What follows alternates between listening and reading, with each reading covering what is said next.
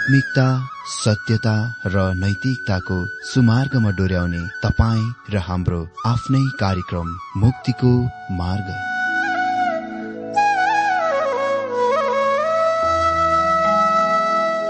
आदरणीय श्रोता यस मुक्तिको मार्ग कार्यक्रममा हार्दिक स्वागत छ। आशा छ यस आत्मिक कार्यक्रमद्वारा जीवनमा आत्मिक आशिष अलौकिक शान्ति र आनन्द प्राप्त गर्नुहुनेछ।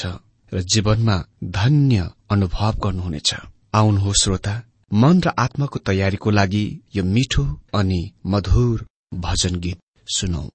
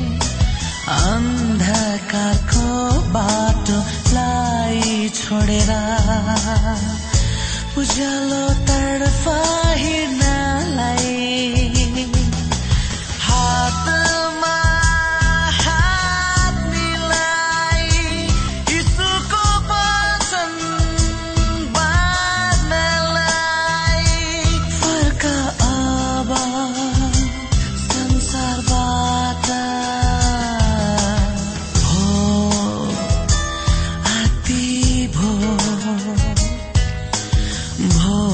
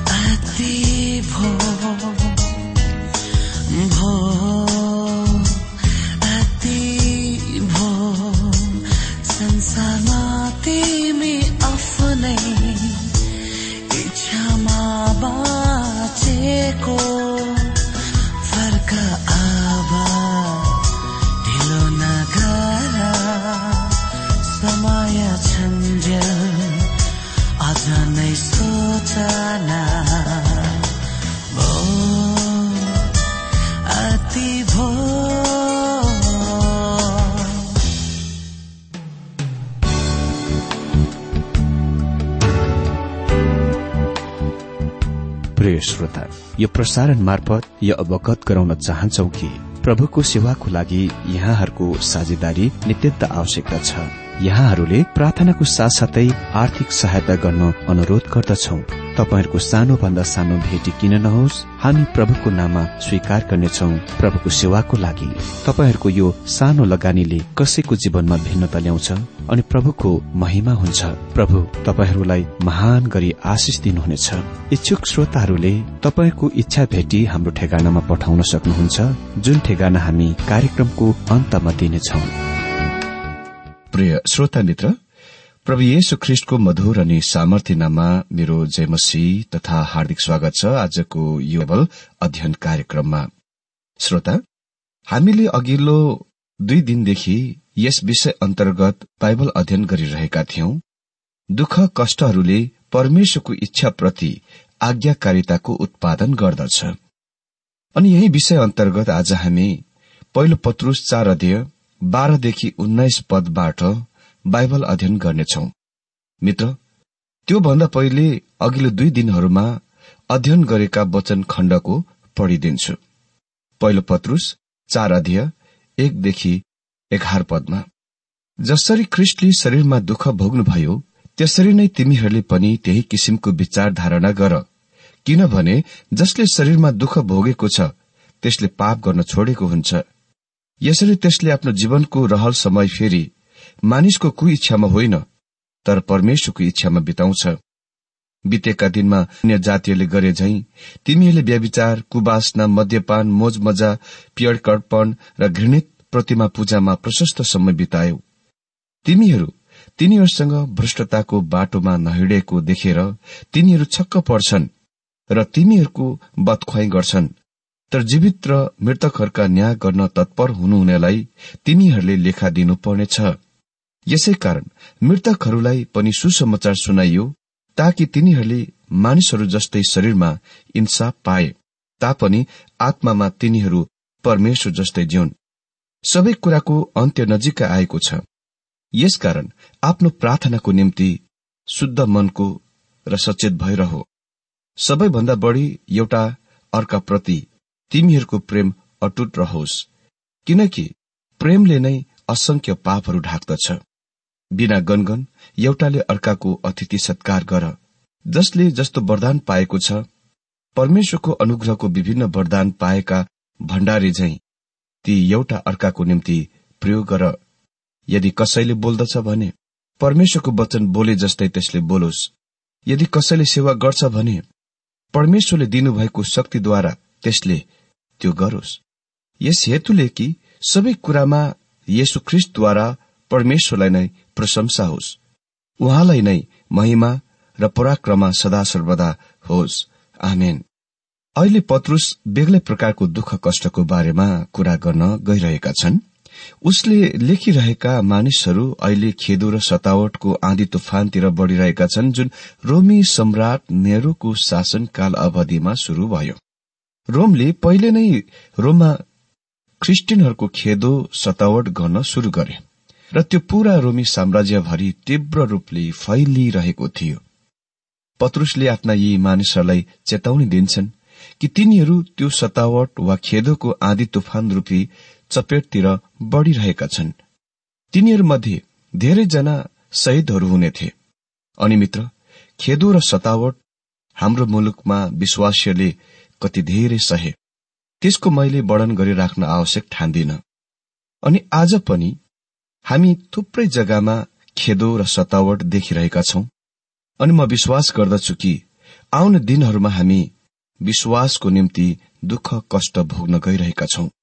पहिलो पत्रुस चार अध्यय बाह्र पदमा लेखिएको छ प्रिय हो तिमीहरूलाई पारक गर्ने अग्निमय परीक्षा तिमीहरूमाथि आइपर्दा केही अनौठो कुरो भए जस्तै तिमीहरू छक्क नपर जब कष्टहरू आउँदछ हामी प्राय जसो यस्तो प्रतिक्रिया जनाउँछौ मानौ त्यो कुनै अनौठो कुरो थियो। हामीलाई यस्तो लाग्छ कसैले पनि हामीले जस्तो गरी दुःख कष्ट सहेका छैनन्। हाम्रो जीवनमा जस्तो गरी कसैले पनि यो दुःखमा भएर गएका छैनन् दुःख भोगेका छैनन्। श्रोता हामी सबै यो सोच्न झुकाउ हुँदछौ कि हाम्रा दुःख कष्ट अनौठो छ। त्यस्तो दुःख कष्ट कहिले पनि र कसैले पनि भोगेका छैनन्। श्रोता मलाई थाहा छैन तपाईँको समस्या के हो तर म तपाईँलाई निश्चय दिलाउँछु कि त्यो कुनै अनौठो कुरो होइन।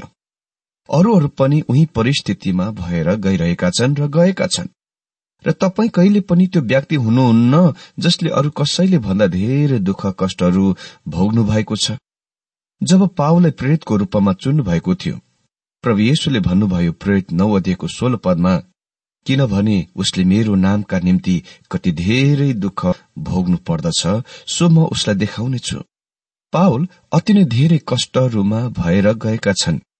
त्यसकारण तपाईँ अरूले भन्दा धेरै कष्टमा दुःख भोगिरहनु भएको छैन। अनि तपाईँले यो विचार गर्नु हुँदैन कि तपाईँका दुःख कष्टहरू कुनै अनौठो कुरो हो। अह हामी सबै हाम्रा सोचाइहरूमा यो भ्रान्तिमा खस्दछौ। मित्र यी विश्वासीहरू पहिले नै कष्टहरूद्वारा जाँच गरिँदै थिए। कष्टहरू कुनै त्यस्तो कुरो होइन जुन आकस्मिक वा अचानक आउँछ। यो सामान्य ख्रिस्टियन अनुभव हो। पत्रुस भन्छन् यो नसोच कि यो अनौठो कुरो हो किनभने यो विश्वासीहरूको सामान्य अनुभव हो। आगोको जाँच यसको अक्षरस अर्थ हो आगोको भट्टीमा पगाल्ने काम। दाउदले यो तथ्यको बताए कि उसलाई परमेश्वरको जाँच चाँदीलाई आगोको भट्टीमा त्यसको शुद्ध गर्न लगाउने कुरा जस्तै थियो। हामी यस विचार पूरा शास्त्रभरि पाउँदछौ। पत्रुसले अहिले यो आगोको जाँचको धेरै पल्ट उल्लेख गर्दछन्। उसले व्यक्तिगत रूपमा कष्टहरूको सहे थिए र उनी कुर्सीकरणद्वारा शहीदको मृत्यु मर्न गइरहेका थिए। मित्र वास्तवमा हाम्रा कष्टहरूमा परमेश्वरसँग उद्देश्य छ। तेह्र पदमा भनेको छ। तर ख्रिष्टका कष्ट भोगमा सहभागी हुँदा रमा हो ताकि उहाँको महिमा प्रकट हुँदा तिमीहरू पनि आनन्दित र हर्षित हुन सक। किन कष्टहरूमा आनन्द मनाउनु पर्नेछ त? किनभने कष्टहरूले ख्रिस्टको आगमनको लागि हामीलाई तयार गर्दछ। पाउले रोमी आठ अध्ययको सत्र पदमा लेखे अनि सन्तान हौ भने हकवालाहरू पनि हौ। साँच्चै परमेश्वरका हकवालाहरू र ख्रिससँग साझा हकवालाहरू हामीले उहाँसँगै दुःख भोग्यौं भने चाहिँ हामीले उहाँसँगै महिमा पनि पाउनेछौ। बुझ्दछु हामीले यस तथ्यको सामना गर्नुपर्छ। ख्रिस्टियन जीवन जिउनलाई कुनै छोटो मिठो बाटो सर्टकट बाटो छैन। त्यस सजिलो बाटो छैन। हामी उहाँसँग र उहाँको लागि कष्ट दुःख भोग्दछौ।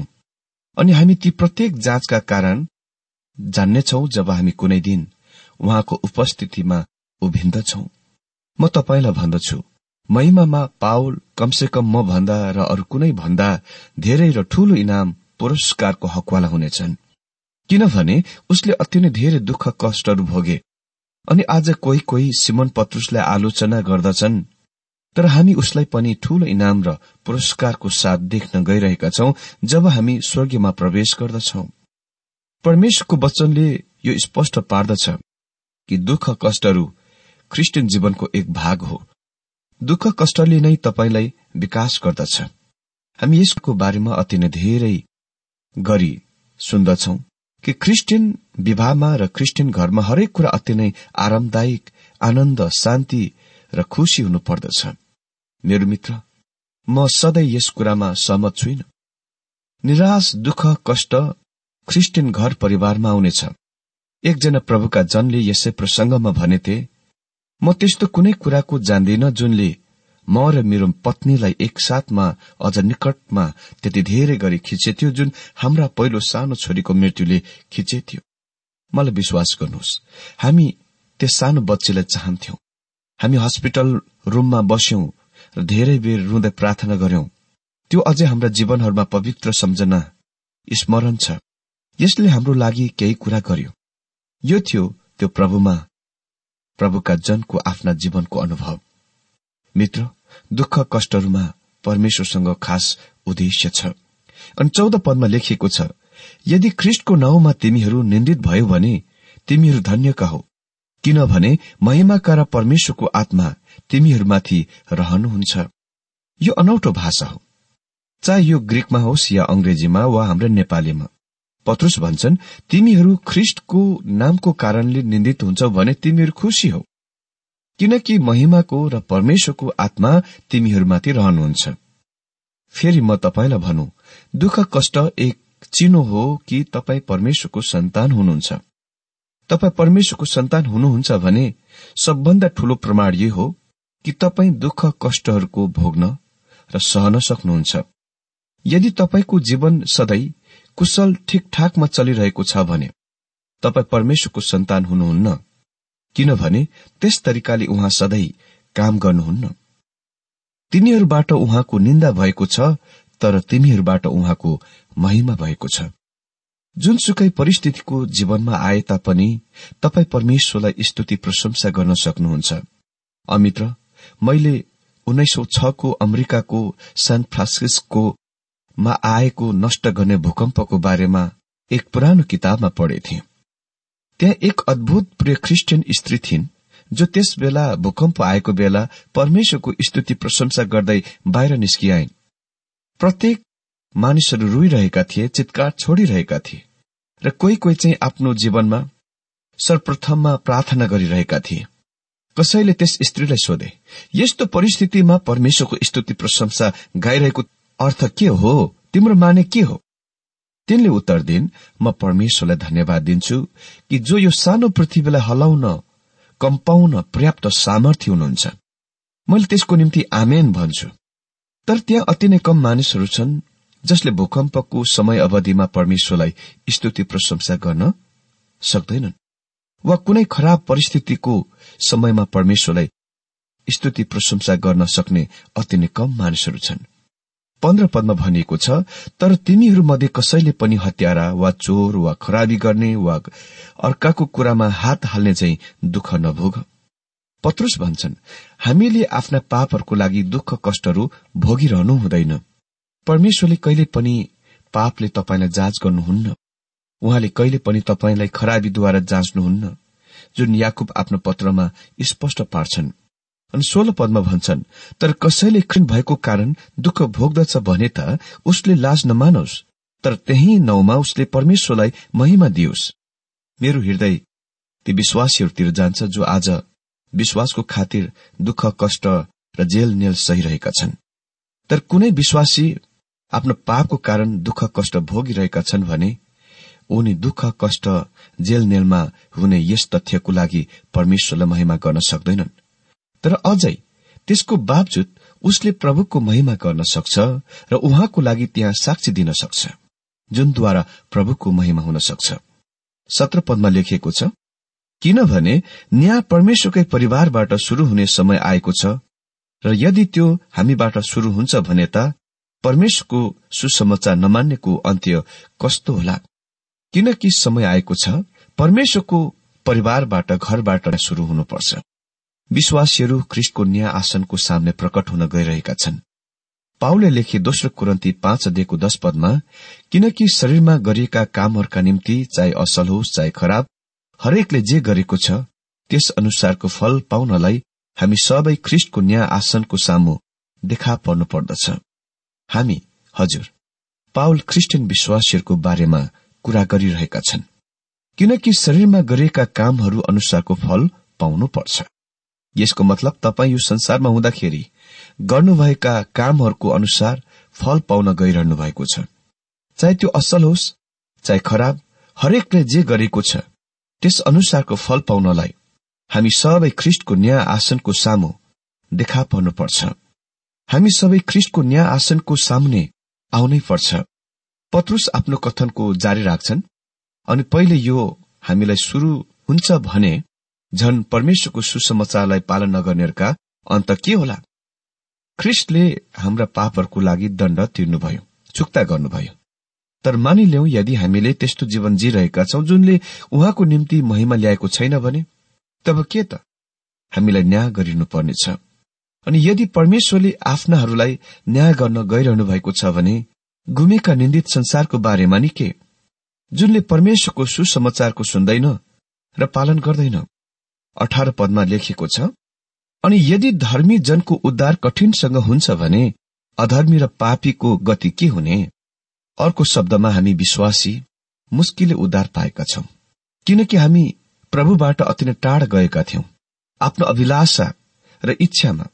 अनि आज पाप र शैतानले हाम्रा जीवनमा गरेको थियो। मित्र धर्मीहरू ख्रिष्टको मृत्युद्वारा मात्र र ख्रिष्टमा तिनीहरूका विश्वासद्वारा मात्र उद्धार पाएका छन्। त्यही नै तरिकामा हामीले उद्धार पायौं र उद्धार पाउँछौ। जन वेस्लीले आफ्नै बारेमा यो नाम दिएथे आगोको भुङ्रोबाट तानिएको अगुल्ठो।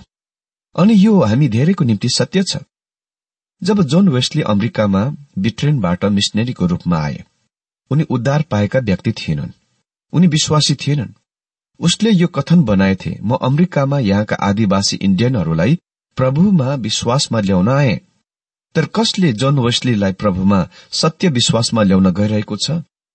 उसको जीवनी लेख्ने लेखकले हामीलाई भन्छन् जर्जियामा राज्यपालको महलमा उसले ब्रिटेनको एक कुलिन अमीर मानिसलाई भेटे जसलाई त्यस क्षेत्रको प्रशासन वा प्रशासकको रूपमा पठाइयो।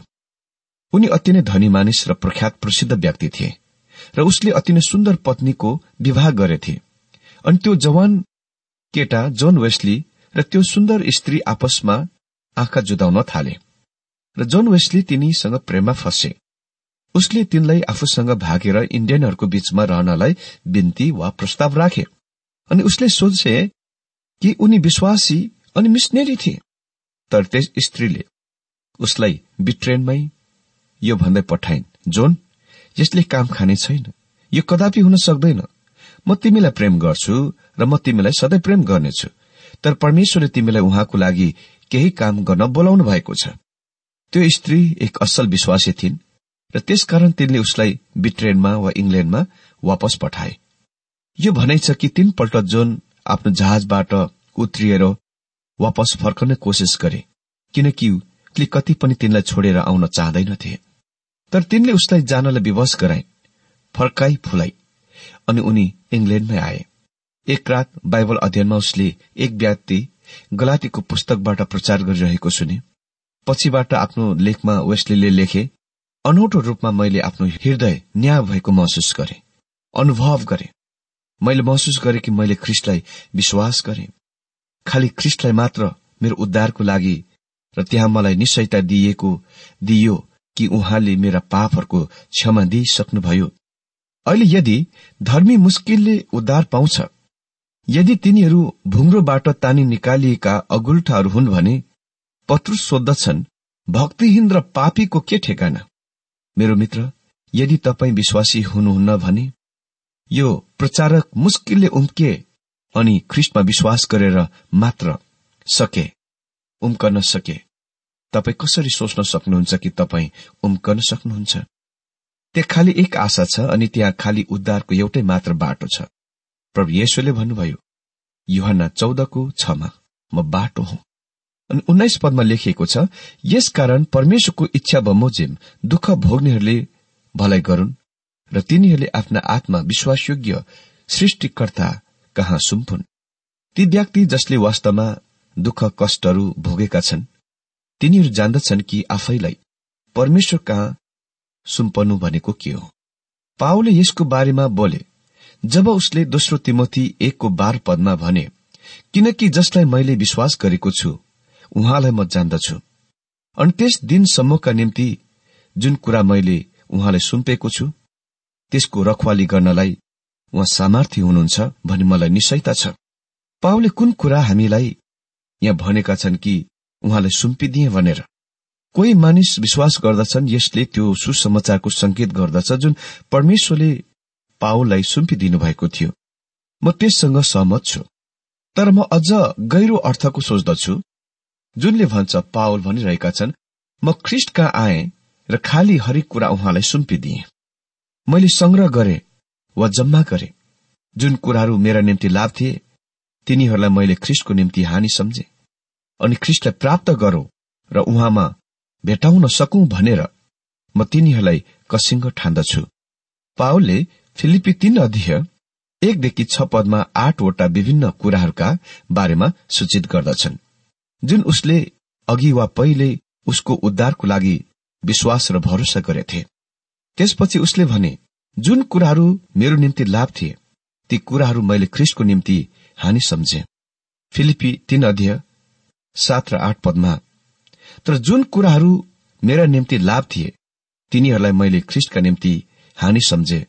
हजुर साँच्चै मेरा प्रभु ख्रिष्ट यसको ज्ञानको सर्वश्रेष्ठताको निम्ति म सबै कुराहरूलाई हानि ठान्दछु उहाँकै निम्ति मैले सबै कुराको हानि खपे अनि ख्रिष्टलाई प्राप्त गरौं र उहाँमा भेटाइन सकौं भनेर म तिनीहरूलाई कसिङ्ग ठान्दछु। भावमा पाउले भनिरहेका थिए। मैले ती सारा कुराहरूलाई चिजहरूलाई फालिदिए। म त्यसलाई कति पनि विश्वास गरिन। मैले खालि ख्रिष्टलाई मात्र विश्वास गरे। पत्रुस भन्छन् ती जसले दुःख भोग्दछन्। आफ्नो प्राणहरूलाई विश्वासयोग्य सृष्टिकर्ताको हातमा सुम्पिदिउन्। के तपाईँले वास्तवमा ख्रिस्टलाई विश्वास भरोसा गर्नुभएको छ? तपाईँसँग सम्भव सुरित बाकस होला जुनमा तपाईँका बहुमूल्य कुराहरू राख्नुहुन्छ। जब तपाईँ रातमा सुत्न जानुहुन्छ तपाईँ त्यसको बारेमा कति पनि चिन्ता लिनुहुन्न। मेरो मित्र हिजो रातमा म सुत्न गएँ र मैले यो प्रचारको प्राणको लागि यो प्रचारकको प्राणको लागि चिन्ता गरिन। तपाईँलाई थाहा छ किन? म हिजो रात शान्तिमा सुत्न गएँ किनभने ख्रिस्टले ती सारा कुरा सम्हाल्नुहुन्छ मैले उहाँसँग आफ्नो कुरा सुम्पिदिएको छु र म उहाँलाई आज विश्वास गर्दछु। के तपाईँले उहाँसँग जम्मा गर्ने काम वा सुम्पिने काम गर्नुभएको छ? के तपाईँले आफ्नो प्राण उहाँलाई सुम्पिदिनु भएको छ?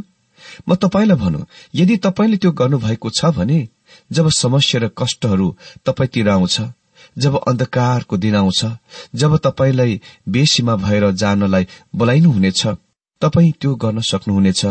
यो थाहा पाउँदै कि उहाँ उहाँले तपाईँलाई सम्हाल्नुहुनेछ के तपाईँले आफ्नो संग्रह वा जम्मा गर्ने काम गर्नुभएको छ? के तपाईँले उहाँका आफ्नो प्राणलाई सुम्पिदिनु भएको छ?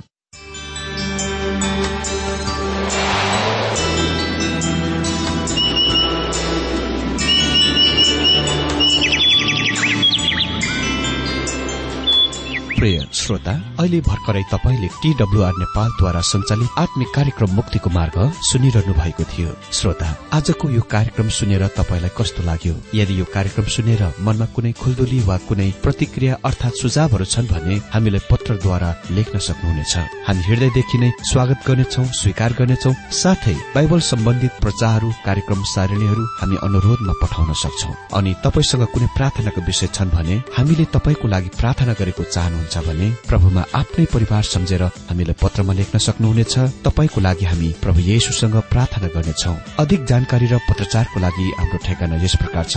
कार्यक्रम मुक्तिको मार्ग जीपीओ नम्बर उनानब्बे पचहत्तर इपिसी पच्चिस एकसठी काठमाडौँ। ठेगाना एकपल्ट सुन्नुहोला। कार्यक्रम मुक्तिको मार्ग जीपीओ नम्बर उनानब्बे पचहत्तर इपिसी पच्चिस एकसठी काठमाडौँ। हाम्रो इमेल एड्रेस हो TWR Nepal at Yahoo dot com. साथै यस नम्बरमा एसएमएस गर्न सक्नुहुनेछ?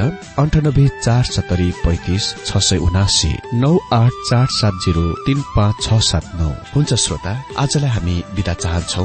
अर्को कार्यक्रममा हामी पुनः भेट्नेछौ तबसम्मलाई नमस्कार।